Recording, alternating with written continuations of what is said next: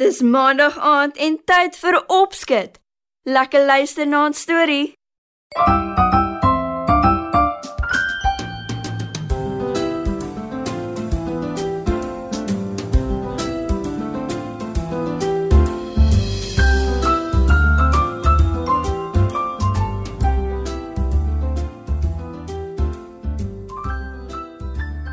Goeienaand, maats. Dinge is nie altyd soos wat hulle lyk nie, nie waar nie?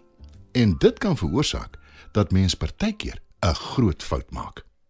Dis waaroor vanaand se storie, die varkwagter, gaan. Daar was eenmal 'n jong prins wat 'n baie klein koninkryk gehad het. Die prins wil graag trou en kinders hê. Daarom begin hy soek na die regte vrou. Hy reis ver en wyd en ontmoet heelwat gawe prinsesse, maar hy's nie verlief op een van hulle nie. Totdat hy 'n pragtige prinses ontmoet wat saam met haar pa, 'n gawe ou koning, in 'n groot paleis bly. Hy besluit om die prinses te besoek en haar te vra om met hom te trou. Maar die prinses stel glad nie in hom belang nie en wil niks van hom af weet nie. Almal, die prins ook, weet dat die prinses gereeld geskenke kry en dat dit haar baie gelukkig maak. Veral as dit besonderse geskenke is. Die jong prins besluit toe dat dit die manier is om haar hart te wen. Jare gelede, toe sy pa dood is, het die prins 'n roosboom geplant waar die ou koning begrawe is. Dis 'n spesiale boom wat net een keer 'n jaar een pragtige bloedrooi roos met die heerlikste reuk dra. Die prins wik en weeg en besluit toe eindelik. Ek sal hierdie roos pluk en vir die prinses gee. Dit is beslis nie 'n besluit wat hy ligtelik neem nie, want die roos beteken vir hom baie. Ek is seker die prinses sal dit waardeer. Stel hy homself gerus. Maar hy besluit dis nie genoeg nie. Hy sal ook vir haar 'n nagtegaal stuur. Die voël het na sy pa se dood by hom in die kasteel kom bly en hom getroos met haar pragtige lied. Hy laat die roos in 'n houtkus sit en die nagtegaal in 'n goue kou en die geskenke word vir die prinses gestuur saam met sy boodskapper. Toe sy dit ontvang, klap sy haar hande opgewonde en sê vir haar pa: Ooh, ek wonder wat is in die houtkussie. Sy maak dit oop en kyk verbaas na die roos. Wie kan so 'n pragtige blom maak? sê sy en sy tel die roos op.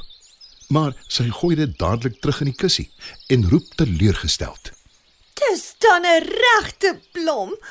Een wat oor 'n paar dae tog net sal doodgaan. En die ding se dodings het my vingers gesteek. Wat moet ek daarmee doen?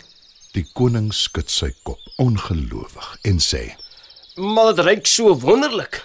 Al sal dit nie lank hou nie, dink net aan die vreugde wat jy daaruit sal kry. Maar die prinses luister nie eers na hom nie, want sy verkies 'n nagemaakte roos. Sy draai net die goue kou met die nagtegaal en sê: En dis seker 'n regte voël ook. Net toe begin die nagtegaal sing. Die koning kry trane in sy oë en sê: Wat 'n wonderlike lied. Maar die nagtegaal se pragtige lied beïndruk die prinses glad nie. Sy maak die kou oop en sê: Gaan terug na waar jy ook al vandaan kom. Dis van die gawe prins af. Ek dink jy moet hom bedank. sê die koning. Maar die prinses skud haar kop en sê: Waarvoor? Ek hou nie van sy simpel geskenke nie. Toe die prins by sy boodskapper hoor hoe die prinses gereageer het, is hy teleurgestel, maar nie van stryk gebring nie, want hy het 'n plan. Die prins trek ou verslonste klere aan en gaan na die prinses se paleis toe. In die paleis se tuin aangekom, sien hy die koning waar hy onder 'n boom sit. Die jong prins stap nader en sê: Goeiedag, u majesteit. Ek is hier om werk te soek. Sal u my in diens neem? Die koning kyk stip na die jong prins en sê: Het ons nie al van tevore ontmoet nie? "Die prins moet nou 'n wit leuen vertel." En hy antwoord: Nee, u majesteit. Ek dink nie so nie. Die koning dink 'n oomblik na. Toe sê hy: Ek weet ons het 'n varkwagter nodig. Weet jy iets van varke af? Nee, nie regtig nie, maar ek's bereid om te leer. Die jong prins word in diens geneem En hy gaan tuis in 'n klein kamertjie reg agter die paleis se varkhokke. Sy werk is om hulle te voer en hulle hokke skoon te hou. Dis alles behalwe lekker werk, maar die prins is vasberade om die prinses se guns te wen. En hy het mos 'n plan. Soggens, voordat hy begin werk, maak hy 'n ketel wat hy saam met hom gebring het, vol water en sit dit op die vuur om te kook. Dis nie sommer enige ketel nie, want reg rondom die rand van die ketel is daar klokkies.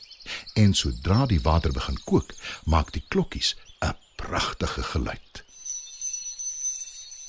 Toe die prinses die klokkies hoor, is sy verbaas. Sy volg die geluid en loop tot by die varkhokke en die nuwe varkwagter se klein kamertjie. Die prins, vermom as 'n varkwagter, sien haar en sê: Goeiemôre prinses, is daar iets waarmee ek kan help? O, ja, daar is. Wat wil jy vir jou ketel hê? Antwoord die prinses. Die prins glimlag en sê: Een soen op elke wang en die ketel is joune. Die prinses dink nie twee keer nie. Sy soen die prins op sy wang, vat die ketel en gaan terug paleis toe. Sy wys dit vir haar pa, die koning, wat sê: Lyk my die varkwagter is 'n geheimsinnige man. Ek weet nie daarvan nie. Maar die ketel is die heel beste ding wat ek in 'n lang tyd gesien het. Sy vertel nie die koning hoe sy die ketel bekom het nie. Van toe af word daar van vroeg tot laat water gekook in die ketel in die paleis se kombuis.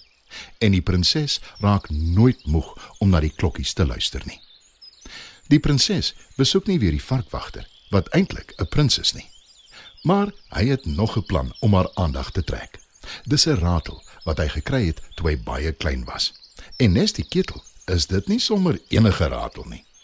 Wanneer dit geskit word, sing dit 'n pragtige deuntjie. Die varkwagter prins gaan staan voor sy klein kamertjie en skud die ratel. Weer hoor die prinses die musiek en weer lok dit haar na waar die varkwagter bly. Sy sien die ratel en sê: Ek moet net die ratel hê. Sal jy dit vir my gee asseblief? Ek sal jou weer op jou wang soen. Die prins varkwagter glimlag en sê: Die keer moet jy my op my mond soen. Die prinses dink 'n oomblik na. Sy kyk na die varkwagter se gesig wat so vol modder is en sy gril. Maar sy wil baie graag die ratel hê. Toe knyp sy haar oë toe en soen hom vol op sy mond. Net toe kom die koning nader geloop. Hy sien hoe sy dogter en die varkwagter soen en kyk kwaad en geskok na haar. Hoe kan jy die man soen wat ons varke oppas? Jy is 'n prinses. Raas die koning. Die varkwagter glimlag.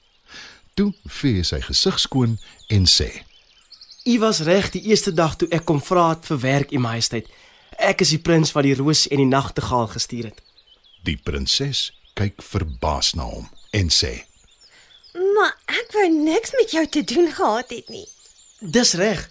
Maar toe jy graag my ketel en my ratel wou hê, was jy bereid om my te soen. Al het jy gedink ek is net 'n varkwagter. Die prinses glimlag verleë en antwoord: is alles anders. Ek weet nou ek het 'n fout gemaak. Die prins skud sy kop en sê: Nee. Ek is die een wat die fout gemaak het. Ek het gedink ek is verlief op jou, maar ek is nie. As jy so maklik omgekoop kan word, is jy beslis nie die regte vrou vir my nie. Toe groet die prins die koning en loop weg. En nie die koning of die prinses het hom ooit weer gesien nie. Dit was nog 'n opskets storie.